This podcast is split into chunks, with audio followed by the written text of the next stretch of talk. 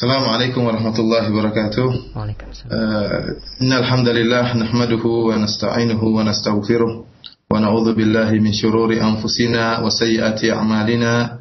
من يهده الله فلا مضل له ومن يضلل فلا هادي له. أشهد أن لا إله إلا الله وحده لا شريك له. وأشهد أن محمدا عبده ورسوله لا نبي بعده.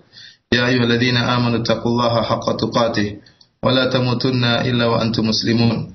فإن أحسن الكلام كلام الله وخير الهدي هدي محمد صلى الله عليه وسلم وشر الأمور محدثاتها فإن كل محدثة بدعة وكل بدعة ضلالة وكل ضلالة في النار Ikhwani fillah wa akhwati fid din azani Allah wa iyyakum para pendengar Radio Roja yang eh, dimuliakan oleh Allah Subhanahu wa taala. Alhamdulillah pada pertemuan lalu eh, kita telah menyampaikan tentang usulul Arab bahwasanya uh, suku Arab itu terbagi menjadi tiga yaitu Arab yang baidah, Arab yang sudah punah, kemudian Arab yang asli dan ada namanya Arab al-musta'rabah yaitu Arab yang kecampuran dengan suku yang lain akan tetapi kemudian suku Arab mendominasi suku yang lain tersebut. Jadilah seperti Arab asli akhirnya yang itu merupakan sukunya Nabi Ismail alaihissalam atau uh, sukunya Nabi Muhammad sallallahu alaihi wasallam.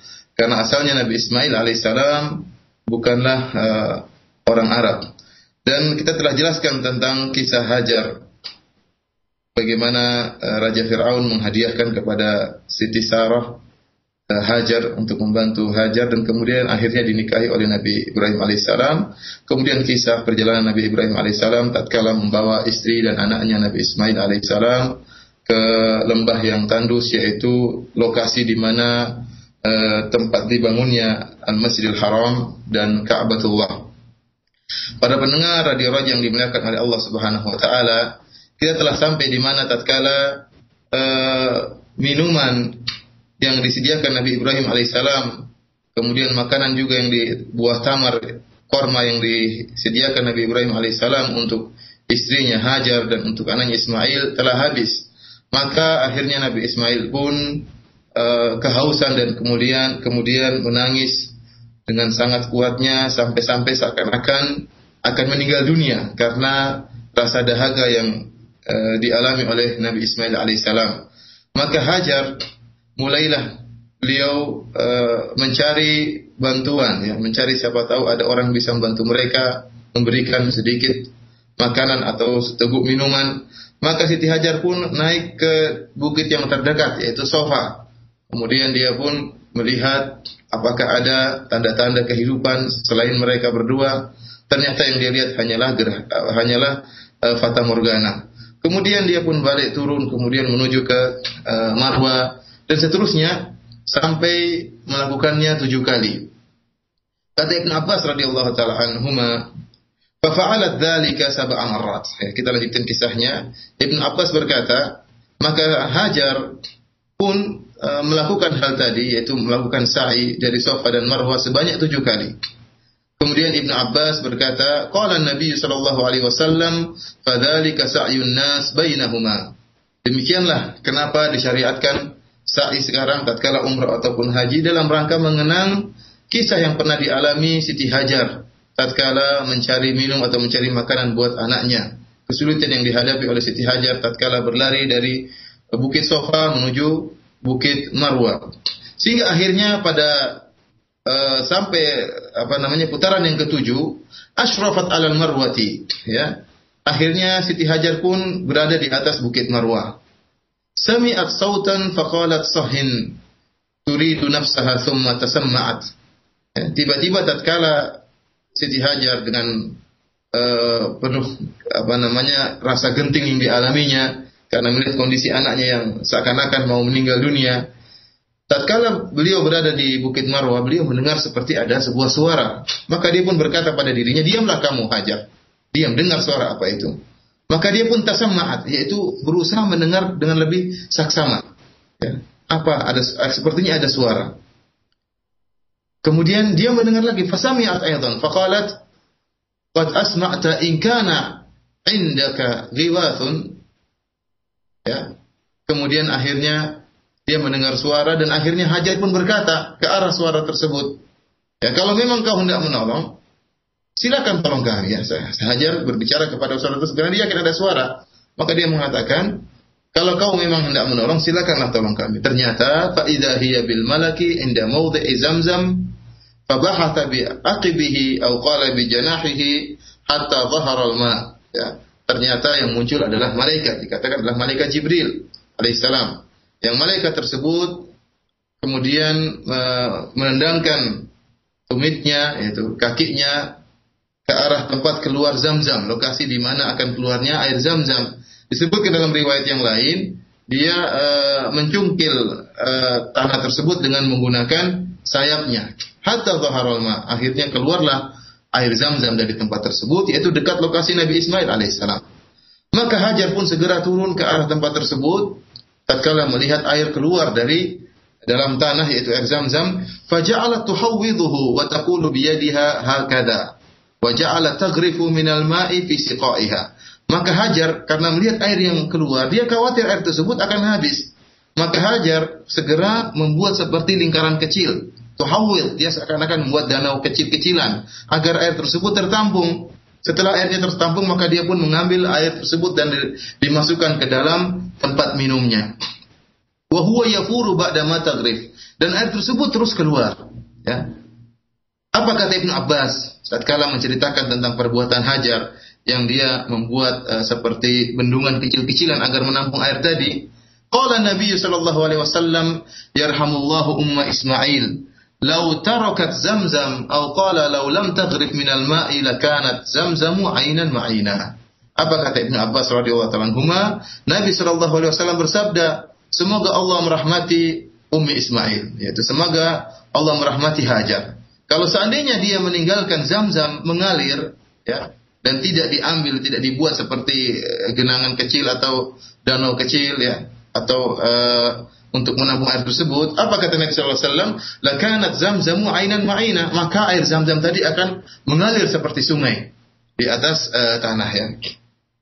Oleh karena itu ikhwani fillah wa fiddin azani Allah wa iyyakum Ibnu al-Jauzi rahimahullah salah seorang bernama Hanabilah ya yang memiliki kitab uh, Talbis Iblis dia mengatakan bahwasanya sungguhnya munculnya air zam-zam itu merupakan nikmat dari Allah. Tatkala Allah mengutus uh, malaikat untuk menendang tanah sehingga keluar air zam-zam itu merupakan nikmat murni dari Allah Subhanahu wa taala. Namun tatkala nikmat tersebut dicampuri dengan perbuatan manusia yaitu perbuatan hajar yang membuat uh, seperti lingkaran kecil untuk menampung air zam-zam, maka akhirnya uh, manfaat zam-zam pun uh, terbatasi. Kalau seandainya Ummu Ismail Hajar membiarkan air zam-zam keluar, maka akan air zam-zam tadi akan menjadi sungai yang mengalir di di kota Mekah. Ya, namun semua tentunya ada hikmah dari Allah Subhanahu wa taala. Ikhwani fil akhwati fiddin azani Allah wa iyyakum akhirnya air zam-zam pun tidak menjadi sungai yang mengalir di kota Mekah akan tapi tertampung di tempat tersebut dan semuanya apa yang telah terjadi adalah dengan hikmah dari Allah Subhanahu wa taala. Dan air zam-zam disebut dengan zam-zam karena uh, dikasrotiha karena banyak airnya. Ya, jadi kalau disebut ma'u zam-zam dalam bahasa Arab artinya air yang banyak ya, air yang banyak. Dan kita ketahui ikhwan fil akhwati fid din azani Allah ayyakum para pendengar radio yang dimuliakan oleh Allah Subhanahu wa taala, air zam-zam ini memiliki keistimewaan yang sangat banyak ya. Ya, Rasulullah sallallahu alaihi wasallam bersabda dalam hadis yang hasan, "Ma'u zam-zam lima syuribalahu."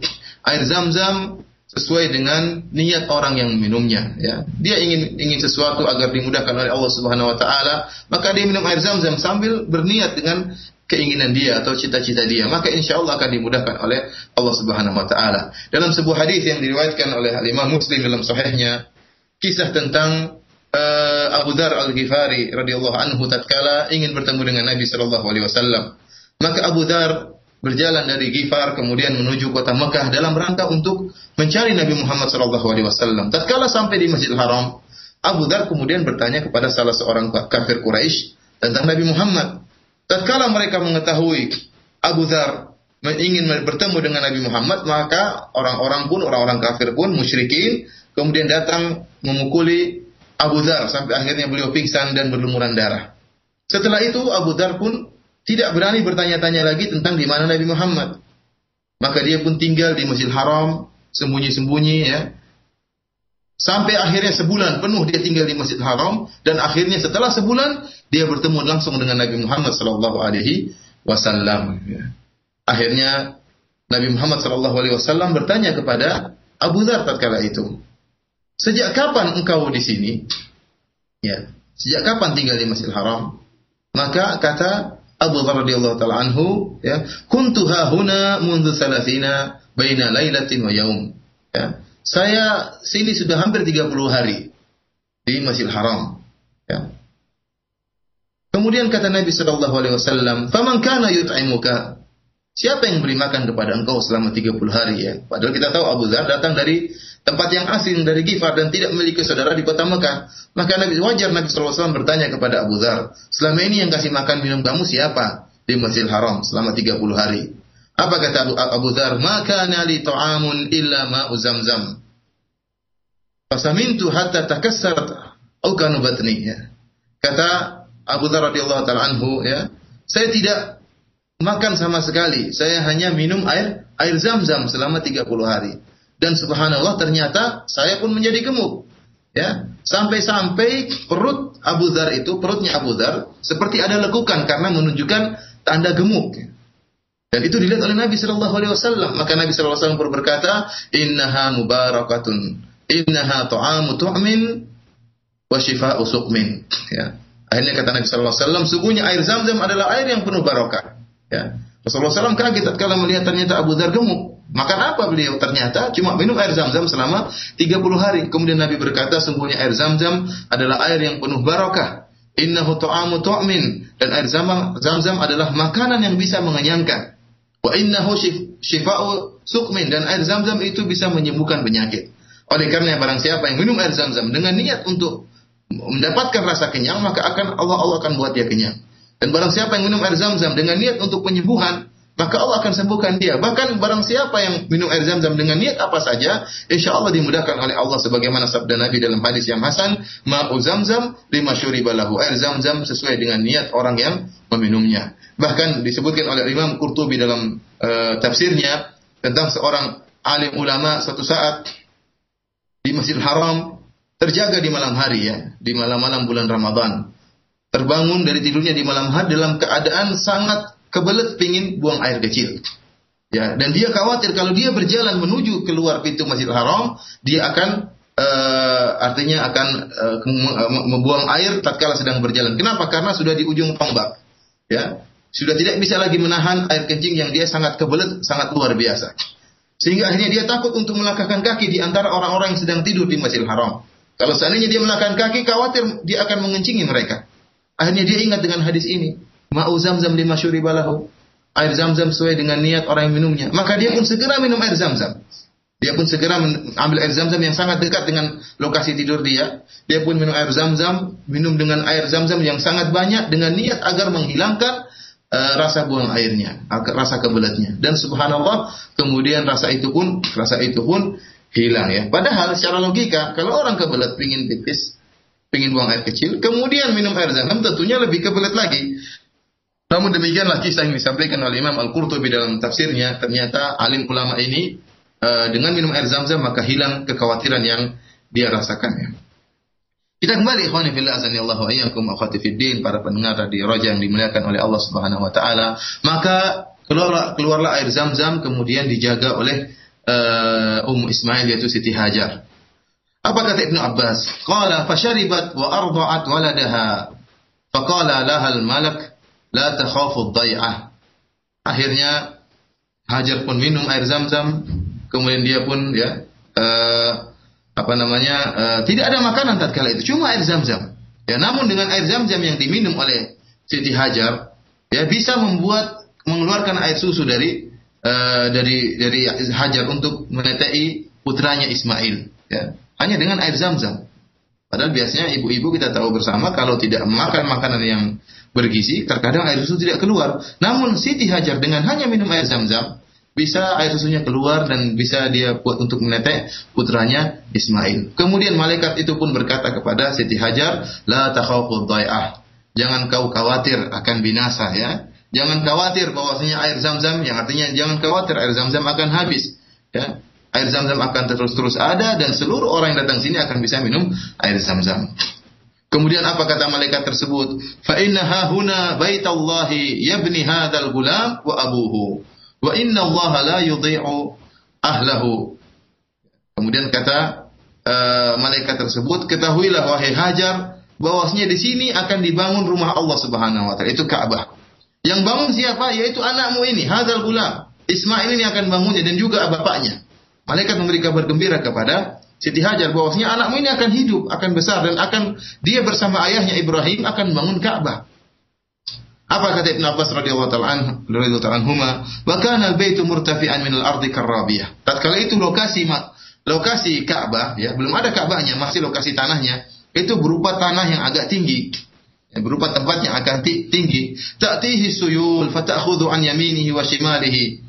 Fakanat kadzalika hatta marrat bihim rufqah ya dan e, namun tempat yang tinggi tersebut ya sering terkena e, apa namanya ada aliran air e, sehingga akhirnya longsor sedikit demi sedikit sehingga akhirnya agak menurun lokasi tempat pembangunan Ka'bah tersebut. Demikian keadaan Siti Hajar bersama anaknya Ismail alaihissalam dan dia pun terus menetai anaknya sehingga akhirnya lewatlah sekelompok manusia Rufqatun min Jurhum, sekelompok manusia dari kabilah Jurhum. Inilah kabilah Arab asli. Kita jelaskan bahwasanya ada sana suku Arab asli di antaranya Qahtan di antara Jurhum. Ya, suku Arab asli. Ya. Mereka sedang berjalan mukbilina min tariqi kada, yaitu mereka datang dari arah bagian tempat tinggi di kota Mekah. Tatkala mereka masuk kota Mekah, melewati tempat tinggi di bagian kota Mekah, ya, mereka pun fanazalu fi asfali Makkah, mereka pun turun ke daerah bawah ke, ada, ke daerah rendah yang ada di kota Mekah. Fara'au ta'iran aifan faqalu inna hadha ta'ir la yajuru ala ma'in la ahduna bi hadzal wadi wa ma fihi. Mereka tentunya kehausan tatkala di padang pasir di kota Mekah. Di gunung-gunung yang tidak ada makanan, tidak ada minuman. Ternyata mereka melihat dari kejauhan ada seekor burung yang berputar-putar di daerah di daerah lokasi e, Ka'bah, dibangunnya Ka'bah nanti yaitu di sebuah lembah, lembah yang gersang. Mereka heran melihat ada burung berputar-putar di situ. Mereka berkata, kita tahu bahwasanya lembah ini tidak ada air di situ. Kok bisa ada burung di situ putar-putar di atas e, lembah tersebut? Akhirnya fa'arsalu jariyan au jariyain, au jariyaini. Akhirnya mereka pun mengutus sebuah utusan atau seorang atau dua orang untuk mengecek apa benar ada air di situ. Karena mereka tahu sebelumnya tidak ada air di lembah tersebut. Fa'idahum bil ma'i faraja'u fa akhbaruhum bil ma' fa akhbaru Ternyata dua utusan tadi mengabarkan kepada mereka bahwasanya ternyata memang benar ada air. Maka mereka pun semua berjalan menuju ke tempat lokasi air. Itu tempat yang dijaga oleh Ummu Ismail Siti Hajar. Kala itu uh, Siti Hajar sedang berada di samping air Zam-Zam karena itu adalah milik Siti Hajar ya dia yang telah menemukan air tersebut apa kata Qabila Jurhum tadi faqalu ata'dhanina lana an nanzila indaki faqalat na'am walakin la haqqa lakum fil ma mereka berkata wahai uh, uh, Hajar apakah kau mengizinkan kami untuk menetap di sini ya, ya tentunya menetap di sini sambil mengambil minta air dari engkau Apakah Siti Hajar? Boleh. Akan tapi kamu kalian tidak berhak untuk memiliki air. Ini air milik saya sendiri. Akhirnya mereka pun sepakat, mereka berkata, nah. Akhirnya mereka pun tinggal di situ. قال ابن عباس قال النبي صلى الله عليه وسلم فألف ذلك أم إسماعيل وهي تحب, تحب الإنس أو أنس فنزلوا وأرسلوا إلى أهليهم فنزلوا معهم حتى إذا كان بها أهل أبيات منهم وشب الغلام وتعلم العربية منهم وأنفسهم وأعجبهم هن شبا فلما أدرك زوجوه امرأة منهم. Akhirnya mereka pun tinggal situ. Apabila Jurhum tinggal bersama di lembah tersebut bersama uh, Siti Hajar dan putranya Nabi Ismail alaihissalam ya dan alhamdulillah memang Siti Siti Hajar ya pingin ada teman ya, ya Tatkala ditinggalkan oleh Nabi Ibrahim, Siti Hajar berkata, kenapa kau meninggalkan kami, istrimu dan anakmu di suatu lembah yang tidak ada makanan dan juga tidak ada seorang pun. Ya. Subhanallah, Allah mengabulkan dua-duanya. Siti Hajar ingin tempat tersebut ada makanan atau minuman. Dan Siti Hajar ingin tempat tersebut ada orang lain yang bisa mereka apa namanya e, bermuamalah dengannya, bergaul dengan mereka. Ternyata Allah kabulkan dua keinginan Siti Hajar tersebut. Ya. Tatkala Siti Hajar mengatakan, "Idzan la yudayyi'ana." Allah tidak akan menyanyiakan kami dan itu benar, Allah buktikan. Allah berikan air zam-zam kepada Siti Hajar dan Ismail dan Allah juga datangkan sekelompok manusia untuk menemani kehidupan mereka. Akhirnya mereka pun hidup bertetangga sampai akhirnya Nabi Ismail pun menjadi pemuda yang gagah perkasa wa ta'allama al-arabiyyah dan Nabi Ismail pun belajar bahasa Arab dari suku Jurhum tadi. Ya. suku Jurhum tadi. Jadi Nabi Ismail tadinya tidak tahu bahasa Arab. Ya, namun karena dia tinggal bertetangga dengan orang Arab dia pun belajar bahasa Arab dari mereka. Wa anfasahum ternyata Nabi Ibrahim alaihissalam eh, Nabi Ismail alaihissalam uh, ternyata seorang pemuda yang gagah dan menakjubkan yang membuat mereka senang terhadap suku Jurhum tadi kabilah Arab tadi senang dengan Nabi Ismail karena mungkin kegagahan Nabi Ismail dan kecerdasannya. Ya. Akhirnya mereka pun menikahkan Nabi Ismail dengan seorang wanita dari mereka. Dari suku Jurhum, yaitu Jurhumiyah. Dan kemudian meninggallah Famatat Ummu Ismail. Kemudian Siti Hajar pun meninggal dunia. Disebutkan oleh uh, para ahli sejarah bahwasanya umur umur dari Siti Hajar ketika meninggal dunia umurnya adalah 90 tahun. Setelah itu apa kata Ibn Abbas? Faja'a Ibrahimu ba'daha ba'da ma tazawwaja Ismail Ismail yutali'u tarikatahu. Ya. Kita lanjut kisahnya. Setelah itu ternyata Nabi Ibrahim alaihissalam datang menemui Ismail. Nabi Ibrahim mengecek tentang uh, keluarganya yang dia tinggalkan. Dia mengecek ternyata uh, dia tidak mendapati Nabi Ismail alaihissalam. Ini kisahnya Nabi Ismail sudah menikah dengan seorang seorang wanita. Coba perhatikan para pendengar radio raja yang dimuliakan oleh Allah Subhanahu wa taala. Dalam hadis ini yang diriwayatkan oleh Imam Bukhari ini tidak disebutkan tentang kisah penyembelihan Nabi Ismail. Ibrahim meninggalkan Siti Hajar dan Ismail tatkala masih kecil Ismail. Kemudian Ibrahim alaihissalam datang lagi setelah Ibrahim setelah Ismail mencapai dewasa dan sudah menikah. Tidak disebutkan tentang kisah penyembelihan Nabi Ismail. Dari sini ya sebagian ulama seperti Ibnu Tin mengatakan bahwasanya yang disembelih bukanlah Ismail alaihissalam. Yang diperintahkan oleh Allah untuk disembelih bukanlah Ismail alaihissalam akan tapi yang diperintahkan untuk disembelih adalah Ishak alaihissalam. Ini adalah pendapat orang-orang Nasrani dan orang-orang Yahudi yang mereka mengatakan bahwasanya yang disembelih adalah uh, Ishak bukan Ismail. Karena mereka tahu orang-orang Yahudi Nasrani sepakat bahwasanya yang disembelih itu adalah nabi yang mulia. Dan mereka tahu bahwasanya Ishak adalah bapaknya Yakub dan Yakub adalah Israel. Bani Israel adalah merupakan keturunan Nabi Yakub yang Nabi Yakub alaihissalam merupakan anak daripada Nabi Nabi Ishak. Sehingga mereka mengatakan yang disembelih bukanlah Ismail tapi yang disembelih adalah Nabi Ishak alaihissalam. Buktinya dalam hadis ini uh, Rasulullah SAW tidak menceritakan bahwasanya bahwasanya uh, Nabi Ibrahim alaihissalam datang sebelumnya. Tapi Nabi Ibrahim alaihissalam datang tatkala Nabi Ismail sudah menikah dengan seorang wanita dari kabilah Jurhum. Tidak disebutkan tentang kisah penyembelihan. Nanti insya Allah akan, akan kita bantah uh, pernyataan ini. Ya. Kita lanjutkan hadisnya. Ya. Tatkala Nabi Ibrahim alaihissalam datang mengecek anaknya yaitu Ismail dan ibunya Ismail sudah meninggal, Siti Hajar sudah meninggal. Falam yajid Ismaila fasa'ala imra'atahu anhu faqalat kharaja yabtaghi lana. Ternyata dia tidak mendapati Ismail alaihissalam. Yang dia dapati cuma istri dari Nabi Ismail. Maka Nabi Ibrahim pun bertanya kepada istri Nabi Ismail. Ke mana Ismail? Maka istrinya berkata, kharaja yabtaghi lana. Ismail sedang keluar, yaitu sedang berburu, mencari rezeki buat kami. Sedang berburu. Summa sa'alah an aishihim wa hayatihim.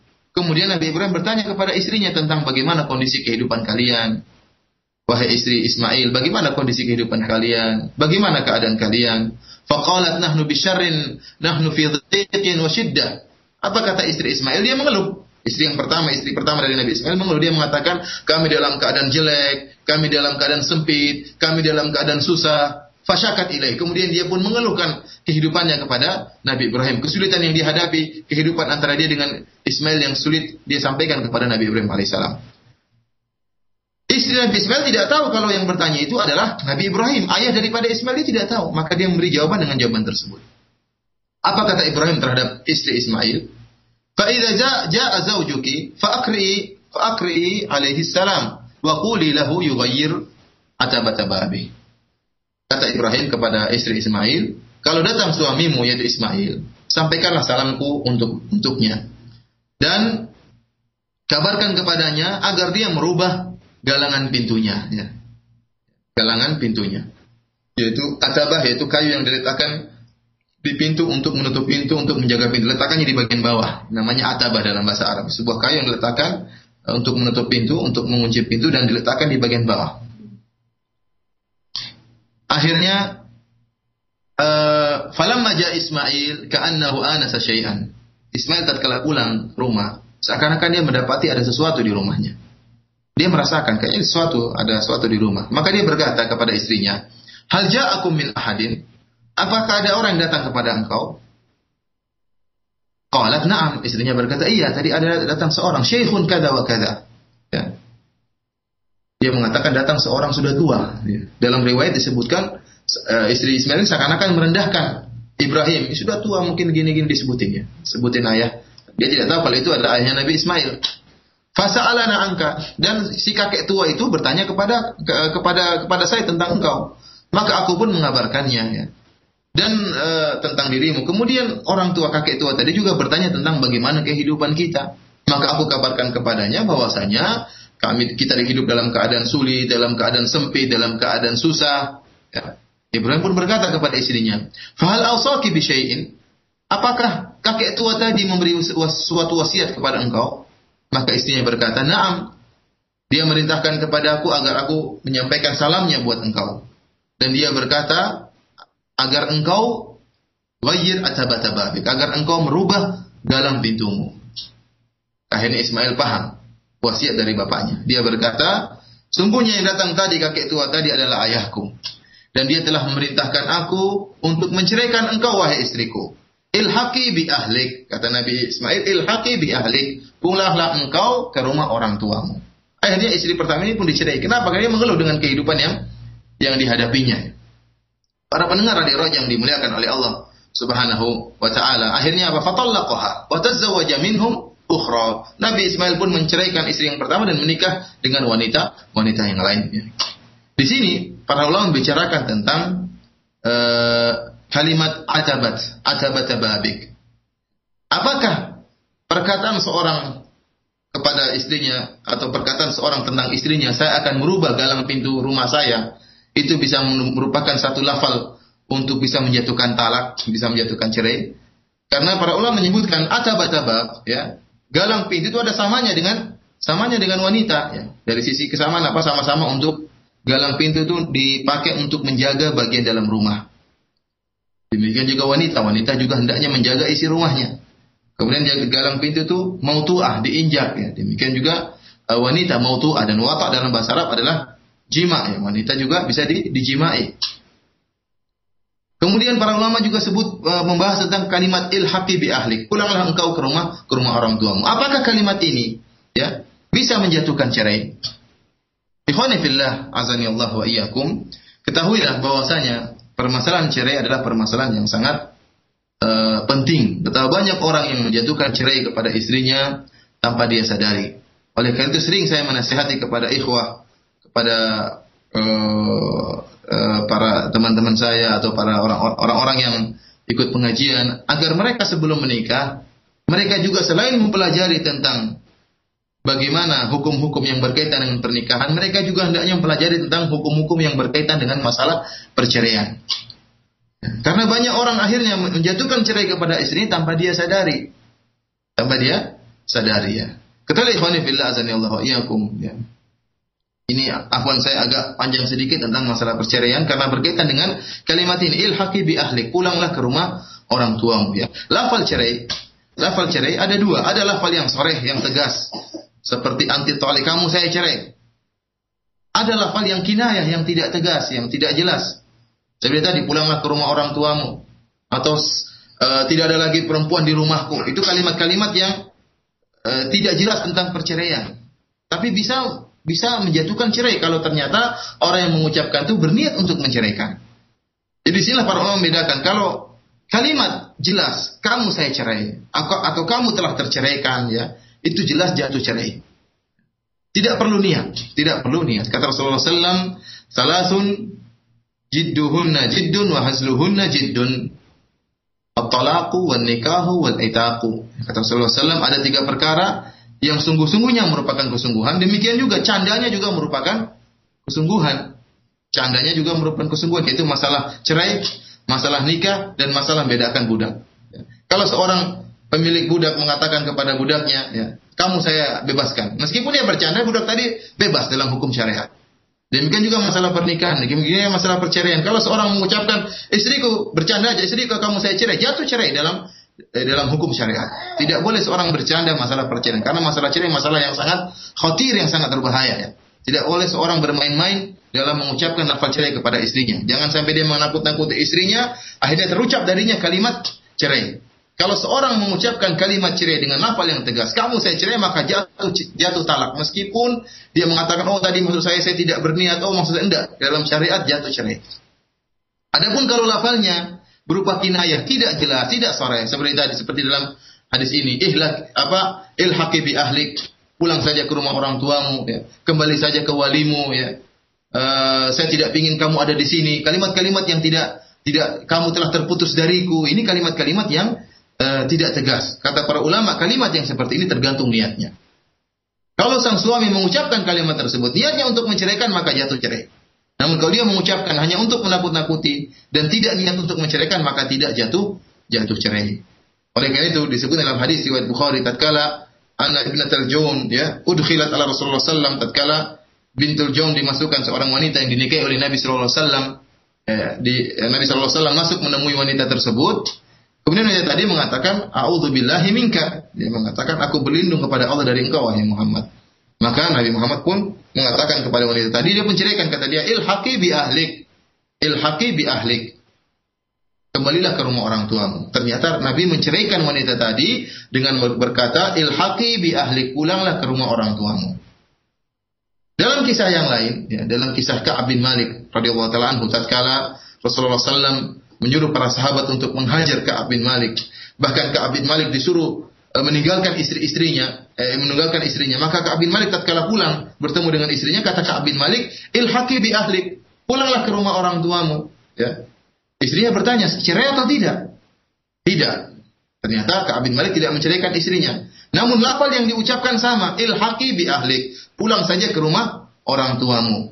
Nabi tatkala mengucapkan kalimat ini, pulang saja ke rumah orang tuamu, jatuh cerai. Ka'ab bin Malik ternyata tatkala mengucapkan kalimat ini, pulang saja ke orang tuamu, tidak jatuh cerai. Dari sini para ulama mengatakan, kalau begitu kembali kepada niat. Nabi tatkala mengucapkan kalimat ini, beliau berniat untuk menceraikan. Adapun Ka'ab bin Malik tatkala mengucapkan kepada istrinya, pulanglah ke rumah orang tuamu, dia tidak niat untuk menceraikan. Dari sini para ulama mengambil kesimpulan, semua kalimat yang menunjukkan uh, ada ada ada makna yang menunjukkan cerai, namun tidak tegas, tidak sore, tidak jelas seperti pulang saja ke rumah orang tuamu, kamu terputus dariku, ya. Apa namanya? Saya tidak butuh, tidak ada perempuan lagi di rumahku. Ini kalimat-kalimat yang bisa mananya cerai namun tidak jelas. Kalau seorang suami mengucapkannya dengan niat menceraikan, maka jatuh jatuh cerai. Kalau tidak dengan niat menceraikan, maka tidak jatuh cerai.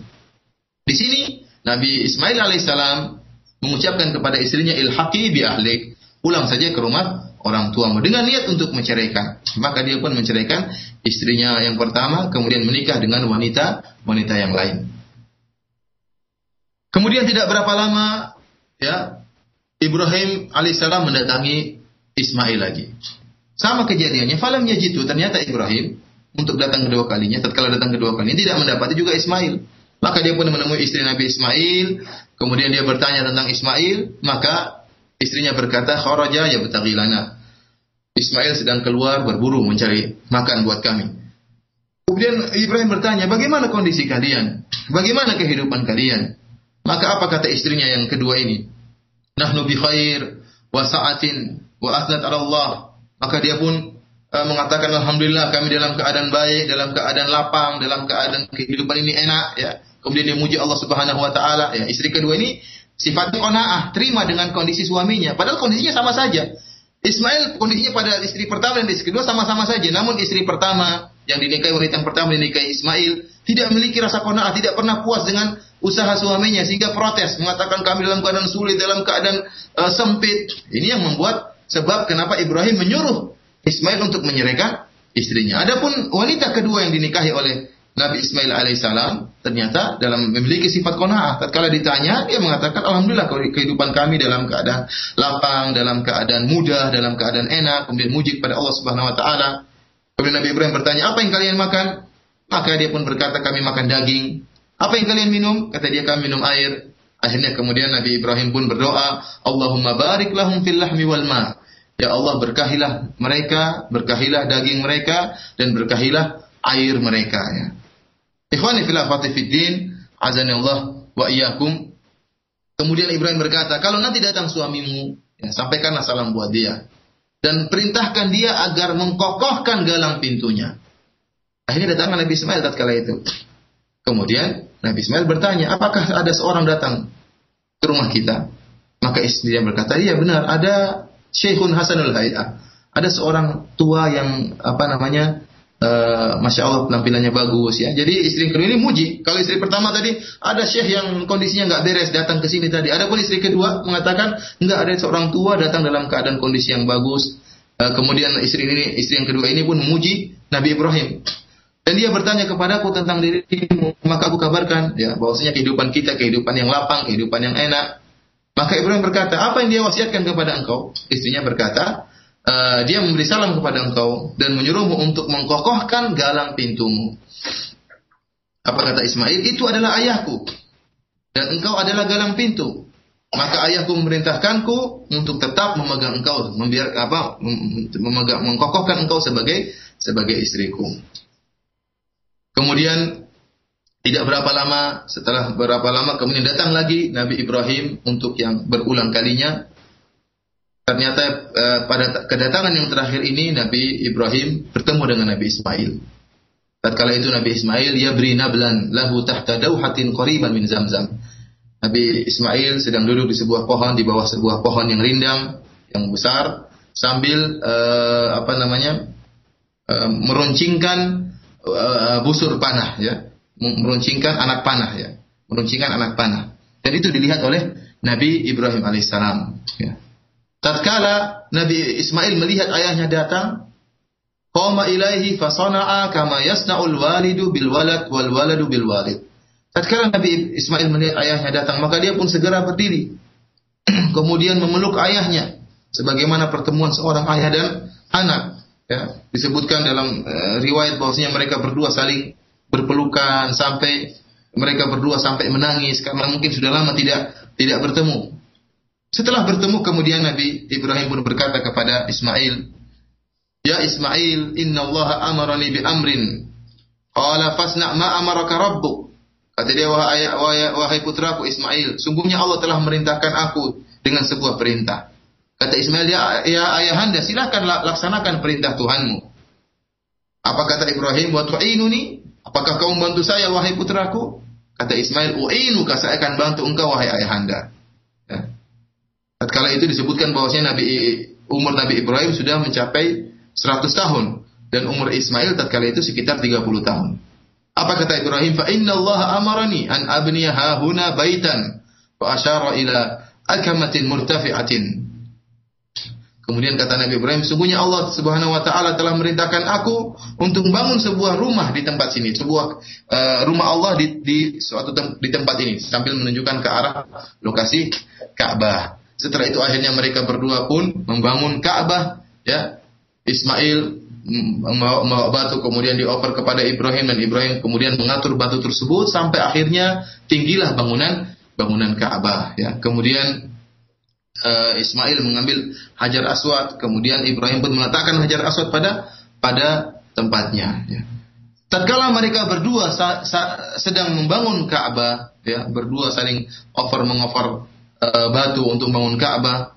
Mereka berdua, Nabi Ibrahim dan Nabi Ismail berdoa, "Rabbana taqabbal minna innaka antas samiul alim."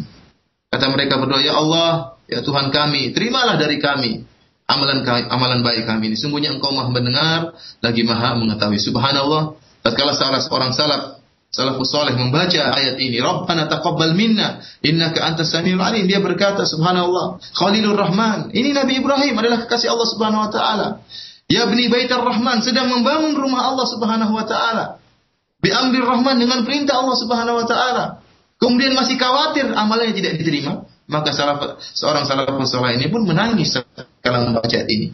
Gimana kondisi Nabi Ibrahim, Nabi Ismail? Keduanya adalah seorang, keduanya adalah Nabi. Keduanya sedang membangun Ka'bah atas perintah Allah. Yang dibangun bukan rumah, rumah Allah Subhanahu Wa Taala.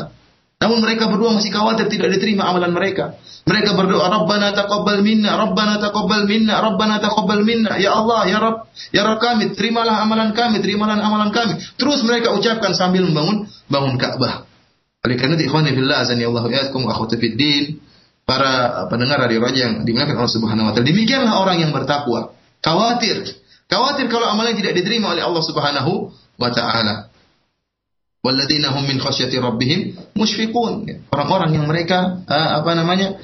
Walladzina yu'tu yu'tuna ma ata wa wa qulubuhum wajilatun annahum ila rabbihim raji'un. Yaitu orang-orang yang mereka melakukan apa yang telah mereka lakukan. Kemudian hati mereka takut Bosnya mereka akan kembali kepada Allah Subhanahu wa taala. Tatkala membaca ini Aisyah bertanya kepada Nabi, apakah mereka orang-orang yang disebut oleh Allah Subhanahu wa taala yang hati mereka itu takut? Apakah mereka adalah orang-orang yang mencuri, yang berzina, ya, yang berbuat kesyirikan? Apa kata Nabi sallallahu alaihi wasallam? Ya la ya siddiq, ya.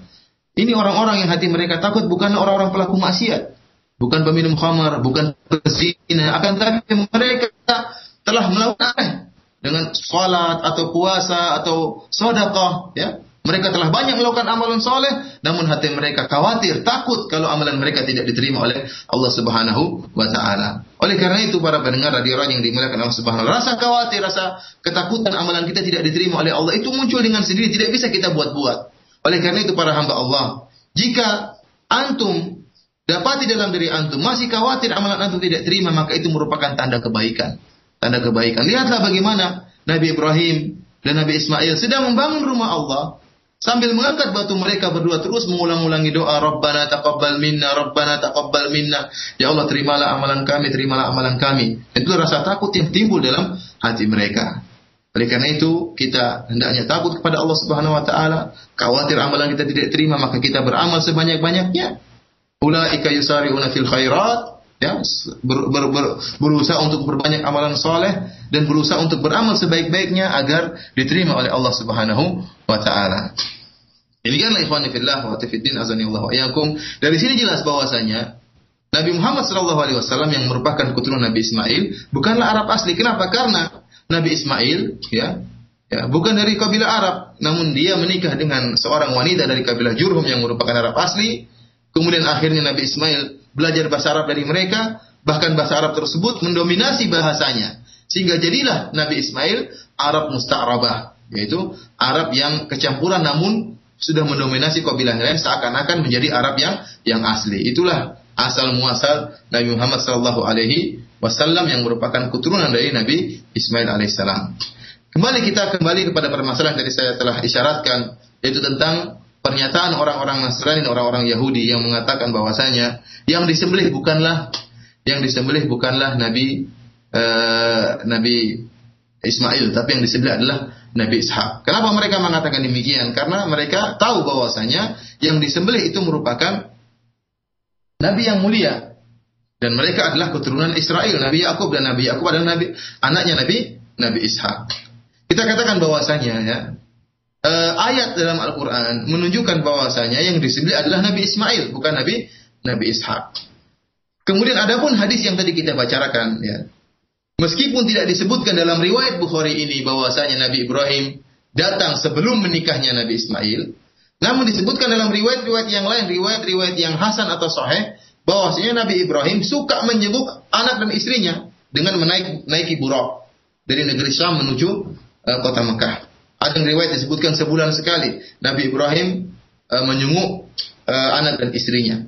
Intinya Nabi Ibrahim alaihissalam sudah mendatangi Nabi Ibrahim, Nabi Ismail dan ibunya Hajar di kota Mekah sebelum sebelum uh, kedatangan beliau tatkala bertemu dengan istri Ismail sebelum menikahnya Nabi Ismail alaihissalam. Dan ini menunjukkan bahwasanya adanya kisah penyembelihan Nabi Ismail sebagaimana yang dikisahkan oleh Allah Subhanahu wa taala dalam dalam Al-Qur'an.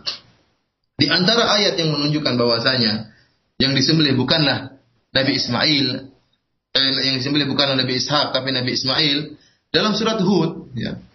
tatkala uh, malaikat datang menemui Nabi Ibrahim, apa kata Allah Subhanahu wa taala? Fabasyarnaha bi Ishaq. Wa min wara'i Ishaq Yaqub. Ya, para, para malaikat pun memberi kabar gembira kepada istri Nabi Ibrahim. Itu siapa? Siti Hajar yang sudah lama tidak tidak mengandung. Para malaikat memberi kabar gembira kepada Siti Hajar bahwasanya dia akan melahirkan Ishak. Dia akan melahirkan seorang anak yang namanya Ishak. Wa min wara'i Ishak Yakub. Kemudian nanti uh, Ishak juga akan uh, melahirkan apa? Akan memiliki keturunan yang namanya Yakub.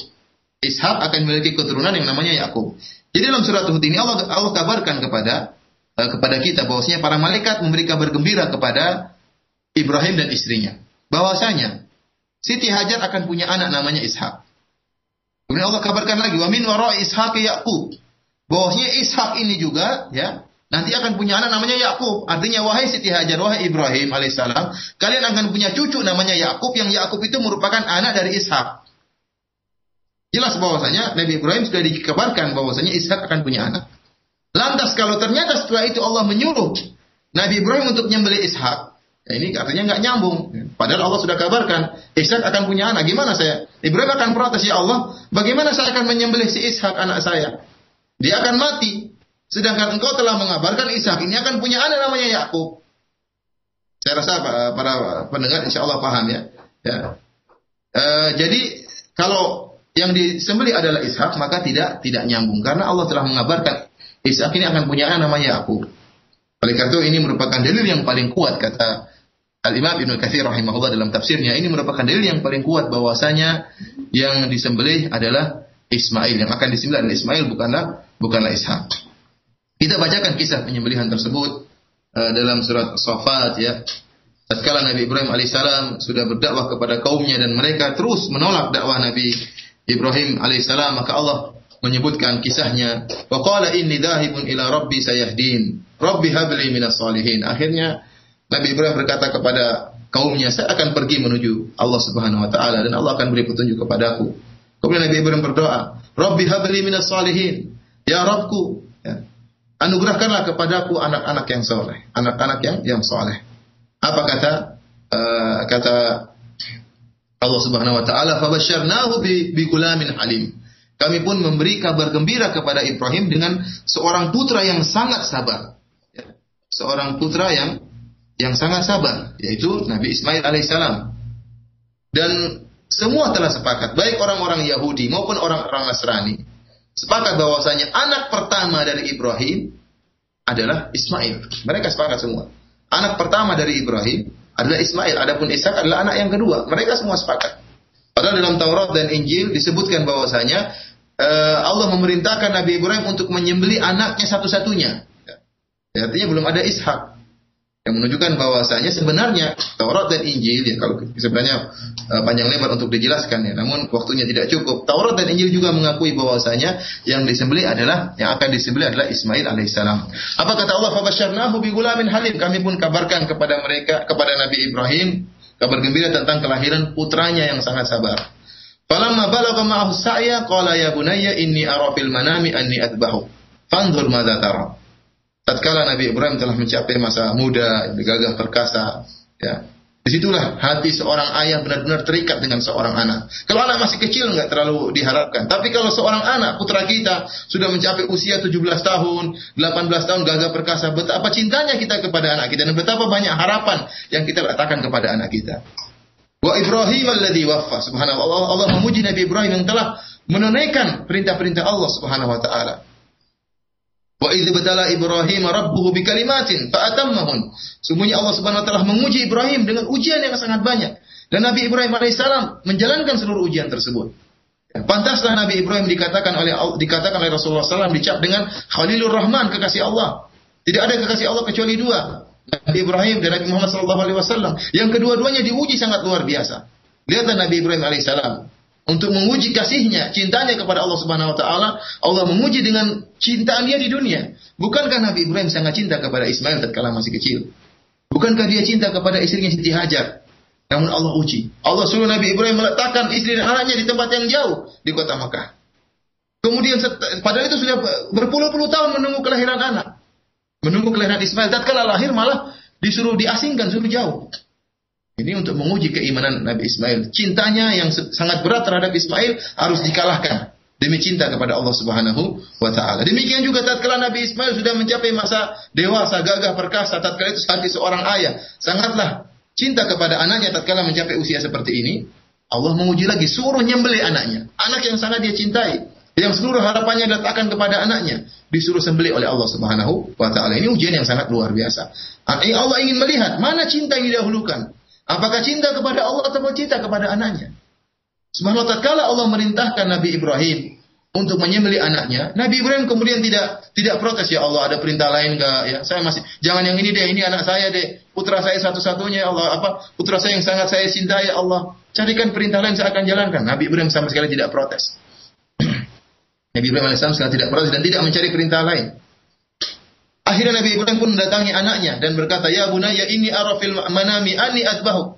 Wahai wahai Ismail, sungguhnya saya lihat di mimpi bahwa saya, saya menyembelih engkau.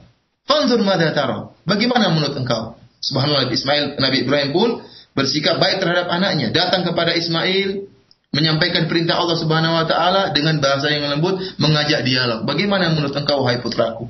Tidak datang kemudian, "Eh sini sini saya akan menyembelih kamu." Tidak. Bagaimana menurut engkau wahai putraku? Qala ya abatif alma tu'mar satajiduni insyaallah minas sabirin. Ismail dengan penuh keimanan kepada Allah Subhanahu wa taala mengatakan, "Wahai ayahanda, lakukanlah perintah Allah Subhanahu wa taala. Engkau akan dapati aku insyaallah." Ya, dia masih mengatakan insyaallah termasuk orang-orang yang sabar. Inilah yang Allah katakan, "Fabasyarnahu bi gulamin halim." Kami beri, beri kabar gembira kepada Ibrahim tentang putranya yang sangat sabar. Siapa? Ismail mau disembelih dengan dengan mudah dia mengatakan silakan. Tidak protes sama sekali, tidak menangis ya. Kemudian tidak ya bapak ya ayahanda tidak ada perintah yang lain, tidak merayu-rayu ay janganlah ayahanda saya kan belum ini belum anu tidak, tapi dengan langsung dengan penuh tegas menerima perintah ayahnya, menerima perintah Allah Subhanahu wa taala. Akhirnya falamma aslama wa tallahu lil jabin ya Kemudian tatkala mereka berdua tunduk kepada perintah Allah Subhanahu wa taala, Ibrahim dan Ismail. Kemudian Nabi Ismail pun ingin menyembelih anaknya, ya. Yaitu Isma, eh, Nabi Ibrahim ingin menyembelih Ismail dan Nabi Ismail pun wajahnya diletakkan ke ditelungkupkan ya, agar tidak melihat tajamnya pisau atau tajamnya pedang yang untuk digunakan menyembelih Ismail. Jadi pelipisnya diletakkan di atas batu ya, melihat ke arah batu dan Nabi Ibrahim siap untuk menyembelih Nabi Nabi Ismail. Tatkala ingin menyembelih, akhirnya wanadainahu an ya Ibrahim qad saddaqata ru'ya. Inna kadzalika najzil muhsinin. Itu yang Allah cari. Itu yang Allah cari yaitu ketundukan Nabi Ibrahim mendahulukan cintanya kepada Allah daripada cinta kepada anaknya. Tatkala dia ingin menyembelih, itu yang Allah cari. Maka tidak perlu menyembelih Nabi Ismail. Ya. Kata Allah, "Qad saddaqata ru'ya, engkau telah menjalankan ya, mimpi yang kau lihat." Dan kami akan memberi alasan kepada orang-orang yang berbuat baik. Inna hadza lahuwal bala'ul mubin kata Allah sungguhnya ini merupakan ujian yang sangat nyata, ujian yang sangat berat. Wa fadainahu bidzibhin azim dan kami pun ganti Ismail dengan sebuah domba yang yang besar. Ya. Ikhwani fillah fiddin azani Allah wa iyyakum. Ya. Demikianlah ikhwani fillah fiddin azani Allah wa iyyakum para pendengar radio yang dimuliakan Allah Subhanahu wa taala kisah penyembelihan Nabi Ismail ya yang di antara hikmahnya akhirnya disyariatkan adanya uh, pemotongan hewan kurban tatkala hari-hari haji. Kisah yang panjang telah kita dengarkan tadi uh, uh, merupakan pembuka bagi kita untuk menjelaskan tentang uh, sirah Nabawiyah sallallahu alaihi wasallam karena setelah itu akhirnya Nabi Ismail memiliki keturunan yang banyak dan kemudian semuanya di atas tauhid. Semuanya di atas tauhid sampai akhirnya datang kesyirikan. Ada beberapa faedah yang uh, kita ambil dari kisah ini ya. Di antaranya ikhwani fil fiddin azani Allah ayakum sebagaimana pertanyaan yang dilontarkan dilontarkan pada pertemuan lalu tentang syubhat yang dilontarkan oleh ahlul kitab, orang-orang Yahudi dan Nasrani yang mereka mengatakan bahwasanya Nabi Muhammad sallallahu alaihi wasallam adalah keturunan seorang budak yaitu Siti Hajar yang telah dihadiahkan raja Mesir kepada Siti Sarah ya. Jadi ini tersebutkan dalam uh, kitab mereka Injil ataupun Taurat bahwasanya Siti Hajar adalah jariyat Sarah. Siti Hajar adalah budaknya Sarah ya.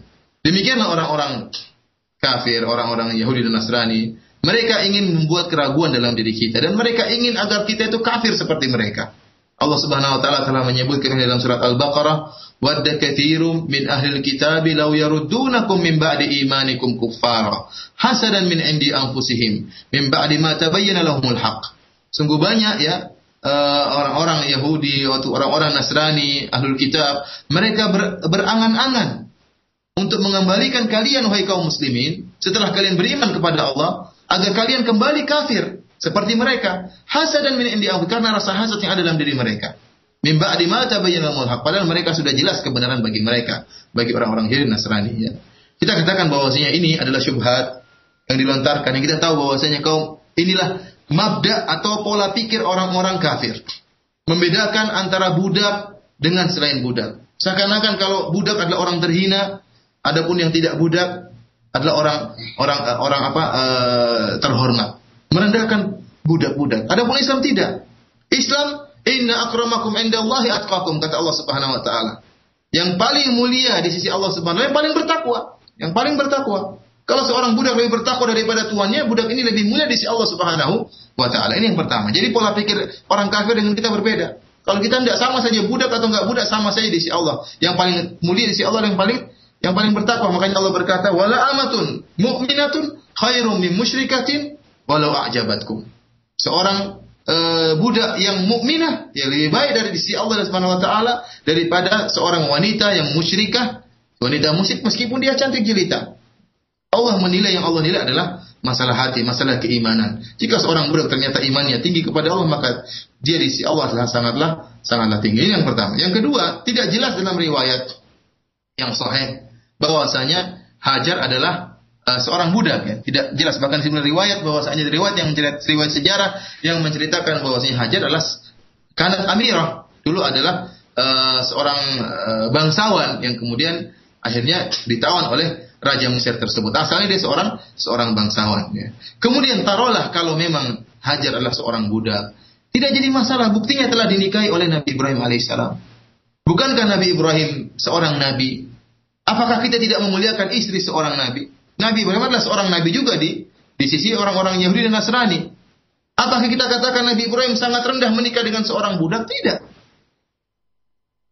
Kalau sudah sudah nikah dengan dengan apa uh, dengan Siti Hajar ya, dihadiahkan dari Sarah kepada Nabi Ibrahim, Siti Hajar dihadiahkan Sarah kepada Nabi Ibrahim, menunjukkan Hajar bukan lagi seorang seorang budak. Meskipun dia pun seorang budak, dia pun toh telah dinikahi oleh Nabi Ibrahim alaihissalam dan tentunya kedudukan dia pun akan menjadi tinggi setelah menikah dengan seorang seorang nabi. Toh dia adalah istri istri seorang nabi.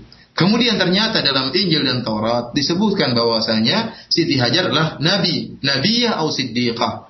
Nah, bahwa disebut dalam Injil dan Taurat bahwasanya Siti Hajar adalah nabi atau wanita yang jujur dipuji oleh Allah Subhanahu wa taala dalam Injil maupun Taurat. Yang pujian ini tidak pernah diberikan kepada Siti Sarah. Tidak ada dalam Injil dan Taurat disebutkan bahwasanya Sarah adalah seorang nabi atau siddiqah. Tidak ada. Tapi yang ada pujian dalam Taurat dan Injil adalah Siti Hajar adalah seorang nabi atau seorang wanita yang siddiqah, seorang wanita yang yang jujur. Kemudian ikhwan fillah sanallahu yakum di antara faedah dalam kisah ini bahwasanya ini maaf-maaf saja bahwasanya celaan sebagian orang-orang Yahudi ataupun Nasrani terhadap syariat Islam yang mengatakan bahwa syariat Islam adalah syariat yang penuh kezaliman, yang membolehkan adanya poligami di antara uh, itu seorang laki-laki boleh menikah dengan empat orang wanita kata mereka ini adalah kezaliman. Dan mereka mencela syariat Islam. Kita katakan Nabi SAW tatkala mensyariatkan syariat ini bolehnya poligami bagi kaumnya bagi umat Islam dengan menikahi empat wanita. Tentunya banyak hikmah yang terkandung di balik ini. Ini bukan tempatnya kita untuk menjelaskan masalah. Akan tapi saya ingin mengambil faedah dari kisah yang kita sebutkan tadi ya, bahwa ternyata Nabi Ibrahim juga berpoligami. Nabi Ibrahim alaihissalam punya istri dua, Siti Sarah dan Siti Siti Hajar. Jadi buat apa kita mencela? Buat apa antum kalian mencela mencela Nabi Muhammad SAW yang mensyariatkan poligami? Sedangkan Nabi antum juga Ibrahim alaihissalam ternyata berpoligami, memiliki dua istri, Siti Sarah dan Siti Hajar. Demikian juga Nabi yang lain. Nabi Yakub yang dia adalah Israel punya istri empat. Nabi Yakub yang dia adalah nenek moyang Israel Bani Israel punya istri empat. Demikian juga Nabi Daud punya istri banyak. Nabi Sulaiman juga yang merupakan orang-orang Israel, orang-orang Yahudi juga memiliki uh, istri yang banyak. Oleh karena itu, ini merupakan bantahan yang tegas bagi mereka yang ingin menimbulkan keraguan bagi kaum muslimin akan syariat-syariat yang telah ditetapkan oleh Allah Subhanahu wa taala. Namun demikianlah ikhwani fillah khatifiddin azani Allah iyyakum barang siapa yang berpegang teguh dengan sunnah Rasulullah sallallahu mempelajari agama Islam maka dia akan terhindarkan dari semua syubhat yang dilontarkan oleh oleh oleh orang-orang uh, kafir baik dari kalangan Yahudi maupun kalangan Nasrani dan seperti kita telah isyaratkan di awal pengajian sirah kita ini bahwa sirah nabawiyah yang mempelajarinya bukan cuma kaum muslimin. Sirah Nabawiyah juga dipelajari oleh orang-orang orientalis, yaitu orang-orang kafir, orang-orang Nasrani dan orang-orang Yahudi. Mereka juga mempelajari Sirah Nabawiyah bukan untuk mengambil faedah, tapi untuk mencela Islam, untuk menimbulkan keraguan. Oleh karena itu kita berhati-hati, kita harus ngerti betul bagaimana sirah nabawi yang benar, mana mana hadis-hadis yang sahih dan mana hadis-hadis yang lemah, bahkan hadis-hadis yang palsu. Karena terkadang mereka berdalil dengan hadis-hadis yang lemah atau hadis yang palsu untuk menimbulkan, melancarkan syubhat dan menimbulkan keraguan di hati-hati kaum mukminin. Demikian saja para pendengar radio Raja yang dimuliakan Allah Subhanahu wa taala apa yang bisa kita sampaikan pada kesempatan kali ini. Kurang lebihnya saya mohon maaf kalau ada pertanyaan uh, dipersilahkan. Kalau saya tahu jawabannya saya akan berikan jawaban. Kalau tidak, bisa ditanyakan kepada ustadz-ustadz yang lain. Ya demikianlah ikhwatal Islam azani Allah wa pendengar radio Roja yang dirahmati Allah Subhanahu wa taala. Sesi materi yang disampaikan oleh Ustaz Firanda Hafizahullah taala mengenai sirah nabawiyah yang semoga kita dapat mengambil faedah apa yang beliau sampaikan dan tiba saatnya bagi kita untuk sesi soal jawab bagi Anda yang ingin bertanya perihal pembahasan kita pada siang kali ini yaitu sirah nabawiyah anda bisa menghubungi di line telepon di 021 823 6543 atau bisa melayangkan pertanyaan melalui pesan singkat di nomor 081 989 6543 dan kita angkat penelpon pertama. Assalamualaikum warahmatullahi wabarakatuh. Waalaikumsalam warahmatullahi wabarakatuh. Ya. Dengan Abu Salsabila ya di Bekasi. Ya, iya. Ya, silakan Abu Salsabila langsung pada Ustaz. Assalamualaikum Ustaz. Uh, Waalaikumsalam warahmatullahi wabarakatuh. Uh, ini tadi mengenai ah, kata-kata uh, yang tandanya adalah serius, seriusnya juga apa? Serius. Uh, saya pernah begini, saya jengkel sekali dengan istri saya dulu, marah sekali gitu kan. Sampai saya nggak tanya itu sampai beberapa hari gitu uh, terus istri saya tuh nangis kan uh, terus saya nanya gitu ke saya kenapa begini begini kan uh, terus saya bilang gini jadi ya kalau memang udah nggak mau ngelayanin lagi nggak mau ini lagi ya udah nyingkir aja saya bilang gitu. Apakah itu sudah termasuk apa saya ini apa jatuh falak atau gimana? Soalnya saya nggak tahu gitu. Benar-benar nggak tahu. Tapi nggak ada niatan untuk ke situ gitu kan. Terima kasih. Gitu aja. Assalamualaikum warahmatullahi wabarakatuh. Waalaikumsalam warahmatullahi wabarakatuh Ikhwan fillah khawati fiddin asani Allah yakum para pendengar radio yang dimuliakan Allah Subhanahu wa taala. Saya katakan masalah kalimat cerai ada merupakan kalimat yang sakral dan kalimat yang khatirah, kalimat yang sangat berbahaya. Seorang suami tidaklah layak jika dia seorang benar-benar yang jantan, seorang laki-laki yang jantan, maka dia jangan cepat apa namanya menjatuhkan lafal cerai kepada kepada istrinya atau hal-hal yang menyerempet ke situ ya. Bukankah istrinya adalah ibu dari anak-anaknya? Bukankah istrinya telah berusaha payah uh, melayani dia, ya, merawat anak-anaknya? Dia adalah ibu dari anak. Oleh karena itu seorang yang jantan yang benar-benar uh, cerdas dia akan memberi pandangan yang jauh. Tidak sedikit-sedikit kalau istrinya salah kemudian diancam dengan cerai, diancam dengan pisah pulang ke rumah orang tua dengan ancaman-ancaman seperti itu. Masih banyak nasihat yang bisa disampaikan kepada istrinya. Bukankah uh, dia ingin eh, istrinya bisa berubah menjadi istri yang baik. Tapi kalau setiap istrinya salah kemudian dia ancam dengan cerai ini adalah bukan sikap laki-laki yang baik. Kemudian sebaliknya saya ingatkan kepada para ibu-ibu, para wanita sekalian ya, berusaha untuk melayani uh, suami dengan sebaik-baiknya, terutama yang seperti disebutkan tadi masalah ranjang ya. Bukankah di antara hikmah menikah kata Rasulullah sallallahu alaihi wasallam ya ma'syar syabab man istata'a minkumul ba'ah falyatazawwaj fa innahu ahsanu lil farj wa aghaddu lil basar ya kata Rasulullah sallallahu wahai para pemuda barang siapa di antara kalian mampu baik dari sisi uh, harta sisi nafkah dan juga kekuatan untuk berjima mampu untuk menikah maka nikahlah apa hikmahnya kata Rasulullah SAW? Karena nikah itu bisa menjaga pandangan dan bisa menjaga kemaluan. Oleh karena itu di antara uh, hikmah pernikahan, seorang wanita bisa menjaga kemaluan suaminya dan bisa menundukkan pandangan suaminya. Oleh saya katakan bahwa seorang istri yang perhatikan ranjangnya, memperhatikan penampilannya, berusaha menundukkan pandangan suaminya agar pandangan suaminya tidak jelalatan, dia berhias, dia bermaca, ya, memakai parfum yang uh, apa berbau harum, ya, sehingga bisa menyenangkan hati suaminya, membersihkan tempat tidurnya, insya Allah dia akan mendapatkan pahala yang besar. Karena itulah di antara hikmah dari pernikahan. Adapun kalau seorang istri yang kemudian tidak memperhatikan penampilannya, ya, tidak menjaga kebersihan ranjangnya. Masalah ranjang masalah yang sangat uh, masalah yang sangat riskan, hati-hati ya. Berusaha untuk diperhatikan dengan sebaik-baiknya. Kalau dia tidak perhatikan penampilannya, tidak perhatikan ranjangnya, kemudian suaminya pun jengkel, maka ini keluar daripada hikmah pernikahan. Apalagi sampai tak tatkala suaminya kepingin kemudian dia nolak, tidak mau, tidak menuruti uh, kemauan suaminya, maka bisa dilaknat oleh Allah Subhanahu wa taala sebenarnya disebut dalam hadis hadis. Oleh karena Rasulullah SAW menyebutkan kalau seorang suami menginginkan istrinya untuk berhubungan, maka Rasulullah merintahkan untuk memenuhi panggilan suaminya segera saat itu juga. Dalam satu hadis kata Rasulullah SAW, wa inkanat ala qatab. Meskipun sang istri sedang berada di atas ontai, sedang ber, bersafar, tahu-tahu suaminya berubah pikiran menyuruh istrinya untuk melayaninya, maka hendaknya dia langsung turun dari ontanya kemudian melayani suaminya. Saat itu juga. Kenapa? Karena syahwat itu datang tiba-tiba. Kapan saja syahwat bisa mendatangi suaminya. Demikian dalam riwayat yang dari Rasulullah SAW, wa inkanat ala tanur, meskipun sang istri sedang bakar roti, ya, karena orang-orang Arab sedangnya makan roti, tapi kalau sedang bakar roti atau suaminya kepingin dia untuk melayani suaminya, maka rotinya ditinggal. Kata para ulama, meskipun rotinya tadi hangus, meskipun rotinya terbakar rusak, ya, meskipun mubazir tidak jadi masalah. Kenapa? Karena ada masalah yang lebih besar yaitu melayani suami. Jangan dia mengatakan tunggu mas sebentar, rotinya sebentar lagi masak. Enggak, tinggalin layani suami dalam rangka untuk menjaga kemaluan suami dan untuk menjaga pandangan suami. Ya. Namun ikhwani fillah azani Allah yakum yang namanya rumah tangga mesti ada uh, apa namanya hal-hal yang bisa uh, mengganggu ketenangan rumah tangga itu wajar. Namun ingat seorang suami yang baik tidak setiap ada kesalahan istrinya kemudian mengancam dengan perceraian. Alhamdulillah al-akh di sini sudah sudah menyesali perbuatannya dan saya harap tidak mengulanginya lagi.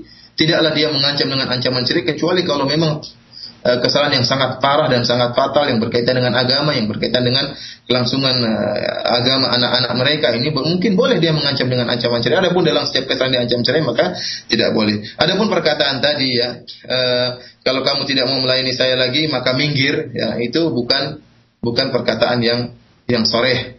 Yang soreh itu yang jelas seperti kamu saya cerai, kamu terceraikan. Nah, seperti itu langsung jatuh talak meskipun uh, meskipun tidak apa namanya tidak ada niat. Kalau lafalnya sudah mengatakan dengan sore dengan jelas kamu saya cerai maka jatuh talak. pun perkataan tadi kalau kamu tidak melayani silakan minggir itu lafal yang tidak sore dan kalau dia tidak niatkan maka tidak jatuh tidak jatuh talak. Allah taala bisawab. Masalah talak saya tidak mau jawab lagi. Silakan tanya kepada ustaz-ustaz yang ada di sana karena masalahnya riskan ya. Cuma saya ingatkan agar para ikhwas sekalian tidak mengulangi kesalahan yang telah mereka lakukan. Allah taala bisawab.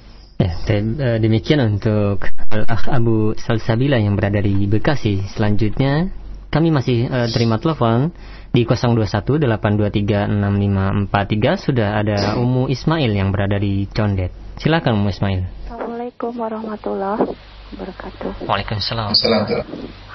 Afan Ustaz sebelumnya tidak sesuai dengan tema karena saya butuh jawaban. Uh, saya itu kan lagi hamil 6 bulan Terus uh, saya juga penderita sakit jantung. Insya Allah nanti tiga bulan yang akan datang saya harus menjalani operasi sesar yang untuk yang ketiga kalinya. Dokter itu kan menyarankan saya untuk steril karena karena dengan kontrasepsi yang lainnya itu tidak baik untuk uh, kesehatan jantung saya dan sangat berbahaya. Di samping itu kan saya ini nanti yang ketiga kalinya untuk sesar. Jadi kalau uh, saya ambil saya ambil keputusan untuk steril itu apa sesuai dengan Islam apa tidak ya dokter ya? ya. Eh dokter, Pak Ustadz, nah hanya ya. itu saja. Mungkin, ya. Sebelumnya Assalamualaikum warahmatullahi wabarakatuh. Assalamualaikum warahmatullahi wabarakatuh. Iya gimana Ustaz? Mau dijawab? Uh, tunggu, Afwan saya nggak paham steril itu gimana maksudnya? Uh, maksudnya diangkat uh, ininya Ustaz, uh, rahimnya Ustaz. Jadi tidak tidak ha, tidak akan hamil lagi ke depannya. Oh, tidak akan melahirkan lagi? Iya, betul.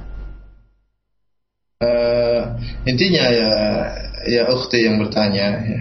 kalau memang ternyata dokter mengatakan kalau mengandung lagi bisa membahayakan kehidupan ukhti ya mbak ini bisa meninggal dunia kalau dengan melahirkan lagi atau mengandung lagi kalau yang benar-benar kan ya itu pernyataan dokter dan dokter yang dipercaya atau beberapa dokter kalau memang kenyataan seperti itu insya Allah tidak mengapa. Namun yang jadi masalah benar nggak pernyataan tersebut? Bahwasanya uh, kalau melahirkan lagi bisa membawakan uh, mengantar kepada kematian. Ini kembali kepada ahlinya kembali kepada dokter ya. Tentunya kalau memang ternyata hamil bisa menyebabkan kematian maka steril saja tidak jadi masalah.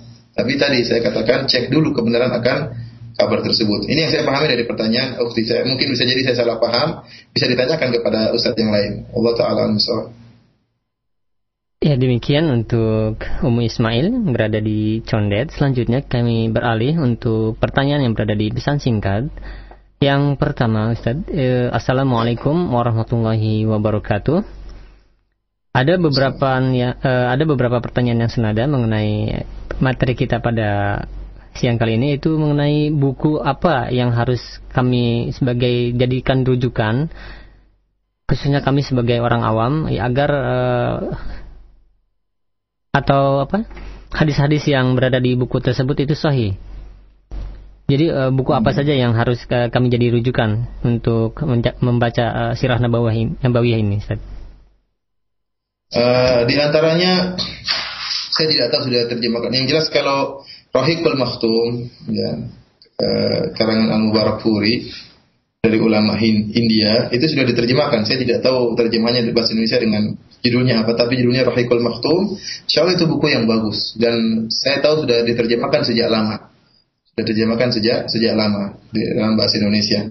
Insya Allah untuk ukuran awam itu buku sudah sudah bagus meskipun dia tidak panjang lebar kemudian tidak menyampaikan syubhat untuk dibantah tidak karena memang itu buku yang ringkas dan padat yang menceritakan tentang sejarah Nabi Shallallahu Alaihi Wasallam. Adapun bagi para penuntut ilmu di sana ada buku-buku yang lebih yang bisa berbahasa Arab dan ada buku-buku yang lebih uh, baik lagi seperti Asir An-Nabawiyah As-Sahihah karangan Akram Al-Umari ya. Ini uh, sirah yang menceritakan apa uh, apa namanya menyampaikan hadis-hadis yang sahih dan mengkritik hadis-hadis yang yang lemah. Demikian juga uh, sirah nabawiyah ya karangan Dr. Mahdi itu juga adalah sirah yang bagus yang juga uh, terkhususkan kepada para penuntut ilmu. Adapun bagi orang yang awam ya uh, maka seperti saya katakan tadi adalah rahikul mahtum. Adapun seperti sirah Ibnu Hisham, maka di situ masih ada sanad-sanad yang bercampur tentunya terkadang dia tidak bisa membedakan mana yang sahih dan mana yang yang dhaif. Akan tapi secara umum buku-buku sirah tersebut uh, insya Allah baik ya semuanya baik tinggal kalau ada sesuatu yang mengganjal di hati bisa ditanyakan kepada para ustadz ya. Yang jelas dibaca ya, yang jelas buku sirah dibaca tidak hanya di, disimpan di perpustakaan atau disimpan di rumah tapi dibaca. Ya, uh, buku itu karangannya Syekh Syafir Rahman Al-Mubarakfur Ustaz ya? Iya, iya. Saya, rasa sudah diterjemahkan itu. Iya, betul. Sudah diterjemahkan. Ya, selanjutnya masih di pesan singkat. Assalamualaikum warahmatullahi wabarakatuh. Ada yang bertanya, Ustadz, mengapa Nabi Ibrahim itu dijuluki sebagai bapaknya para nabi atau bapaknya orang Muslim? Syukron. Uh, karena Allah alam karena Eh, nabi-nabi uh, yang sangat banyak itu dari kalangan Bani Israel. Nabi-nabi yang sangat banyak itu dari kalangan Bani Israel. Jadi tadi Ishak, terus Yakub, kemudian Daud, kemudian Sulaiman, kemudian Musa, kemudian Isa, ya. Kemudian juga dari Nabi Ibrahim ada Nabi Ismail yang akhirnya uh, timbullah Nabi Muhammad Shallallahu Alaihi Wasallam. Maka disebut dengan bapak dari uh, apa namanya para nabi ya. Karena Eh, jelas ya seluruh bapak para nabi Nabi Adam alaihissalam akan tapi silsilah antara Nabi Adam sampai nabi-nabi yang lain jauh silsilahnya. Artinya keturunannya jauh. Berbeda dengan Nabi Ibrahim alaihissalam anak-anak beliau anak Nabi Ibrahim langsung nabi yaitu Nabi Ishak Nabi Ismail dan anak Nabi Ishak juga nabi-nabi banyak. Sehingga pantaslah dikatakan sebagai bapaknya para nabi. Dan di antara anak Nabi keturunan Nabi Ismail adalah Nabi Muhammad sallallahu alaihi wasallam. Allah taala alam Ya demikian. Uh, dan selanjutnya kami beralih kembali di line telepon di 0218236543. Assalamualaikum warahmatullahi wabarakatuh. Waalaikumsalam warahmatullahi wabarakatuh. Afwan Umi dengan siapa tadi maaf? Dengan Umu Wildan Bekasi. Umu Wildan Bekasi ya silakan Umu Wildan. Nah ini Pak Ustadz saya pernah baca, mungkin mungkin saya salah gitu ya. Uh, eh apa namanya Nabi Ishak itu putranya Siti Sarah betul apa apa benar apa, apa salah gitu ya.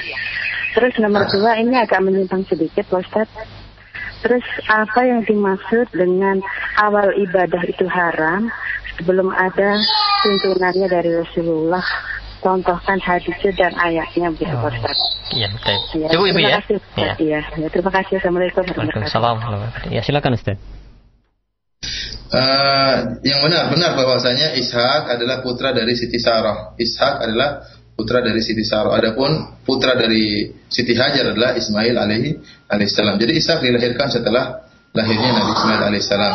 Adapun kaidah yang disebut oleh para ulama bahwasanya al asal dalam ibadah adalah haram ya karena asalnya seorang tidak boleh membuat syariat asalnya namanya ibadah adalah taklif ibadah adalah taklif pembebanan dari Allah Subhanahu wa taala kepada hamba-hambanya ya asalnya seorang sebelum datang syariat ibadah enggak enggak enggak beribadah asalnya dia tidak sholat asalnya dia tidak puasa sebagaimana perjalanan kehidupan Nabi Shallallahu Alaihi Wasallam asalnya para sahabat ya masih minum khamar asalnya masih makan makanan yang haram, asalnya tidak sholat, asalnya tidak puasa. Kemudian datang syariat pembebanan. Akhirnya mereka diharamkan minum khamar. Akhirnya mereka disuruh untuk sholat.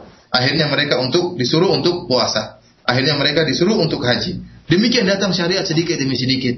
Karena syariat merupakan taklif pembebanan kepada uh, hamba-hamba Allah agar Allah menunjukkan peribadatan hamba-hamba ciptaan Allah, makhluk Allah kepada Tuhan mereka yaitu kepada Rabbul Alamin Allah Subhanahu wa taala.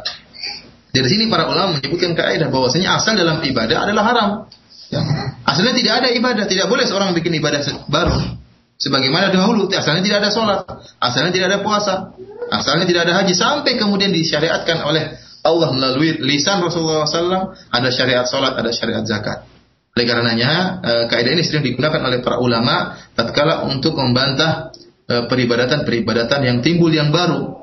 Timbulnya bid'ah-bid'ah ya hal-hal yang baru dalam agama. Mereka menggunakan kaidah ini. Kaidah ini disepakati oleh para ulama seluruhnya. Bahwasanya asal dalam peribadatan adalah haram. Artinya asli tidak ada. Kemudian baru diadakan ibadah tersebut melalui sunnah Nabi atau melalui melalui Al-Quran. Karena kalau setiap orang bisa bikin ibadah ya bisa bikin ibadah maka tidak perlu ada Nabi tidak perlu ada syariat silakan setiap orang eh, apa namanya eh, ber, berkreasi untuk membuat ibadah. Ya, kita punya kaidah yang disebutkan oleh Al Imam Malik rahimahullah, "Famalam yakun yauma idin dina, falan yakuna yauma dina." Apa yang di zaman Nabi Muhammad sallallahu alaihi wasallam bukanlah agama, maka zaman sekarang juga bukan agama ya karena agama telah sempurna di zaman Nabi sallallahu alaihi wasallam maka tidak boleh seorang bikin ibadah-ibadah baru karena ibadah baru yang tidak ada dalilnya hukum asalnya adalah haram. Seorang tidak boleh dibebani dengan suatu ibadah tanpa ada dalil dari Al-Quran maupun dari Sunnah. Oleh karenanya, ibu yang tadi saya jelaskan bahwasanya sekarang timbul banyak firak, banyak kelompok, ya, banyak uh, tarekat. Masih terkadang masing-masing tarekat itu punya ibadah khusus yang mereka miliki. Setiap tarekat punya zikir yang khusus. Setiap tarekat ini punya zikir yang khusus, punya cara beribadah yang khusus yang tidak dimiliki oleh tarekat yang lain. Apakah Islam seperti itu? Buat apa Nabi Shallallahu Alaihi Wasallam diutus kalau setiap orang bisa bikin ibadah? Kemudian ada di sinilah timbul berbagai macam model beraneka ragam cara peribadatan yang dibuat-buat oleh manusia yang sama sekali tidak pernah dicontohkan oleh Rasulullah Shallallahu Alaihi Wasallam. Allah taala bisawab. Ya demikian uh, untuk Ummu Wildan dan selanjutnya kita beralih kembali di pesan singkat yaitu Assalamualaikum warahmatullahi wabarakatuh. Ustadz apakah ada uh, ada kaitannya ketika uh, sunnah akikah atau sunnah nasikah seorang anak uh, dengan penyembelihannya Nabi Ismail. Silakan Ustaz. Apakah ada apa? Kaitannya dengan uh, apakah ada kaitannya uh, sunnah nasik uh, atau uh, nasikah atau akikah yang disyariatkan oleh uh, oleh Nabi Muhammad SAW itu dengan penyembelihan Nabi Ismail oleh uh, Ibrahim. Allah Ta'ala alam. Adapun sunnah akikah saya tidak tahu apakah ada kaitan. Saya perlu ngecek lagi tentang hadis-hadisnya. Yang saya tahu disebutkan tentang sunnah uh, pemotongan korban tatkala tatkala haji. Yaitu tatkala haji ada sunnah pemotongan korban karena mengingat uh, uh, kisah yang terjadi antara Nabi Ibrahim dan Ismail. Tatkala Allah memerintahkan Ibrahim untuk menyembelih Ismail. Dan kisah yang terjadi antara Ibrahim dan Ismail kebanyakanlah kebanyakannya lari kepada syariat haji. Kebanyakannya lari kepada syariat haji. Seperti kisah melempar nah, saya tidak tidak sebutkan seperti melempar jamarah tatkala hajian kemudian uh, adanya sa'i antara sofa dan marwah antaranya adanya penyembelihan korban semua itu kembali kepada syariat uh, haji. Adapun kalau berkaitan dengan akikah, Allah taala alam, bisawab saya tidak tahu ya.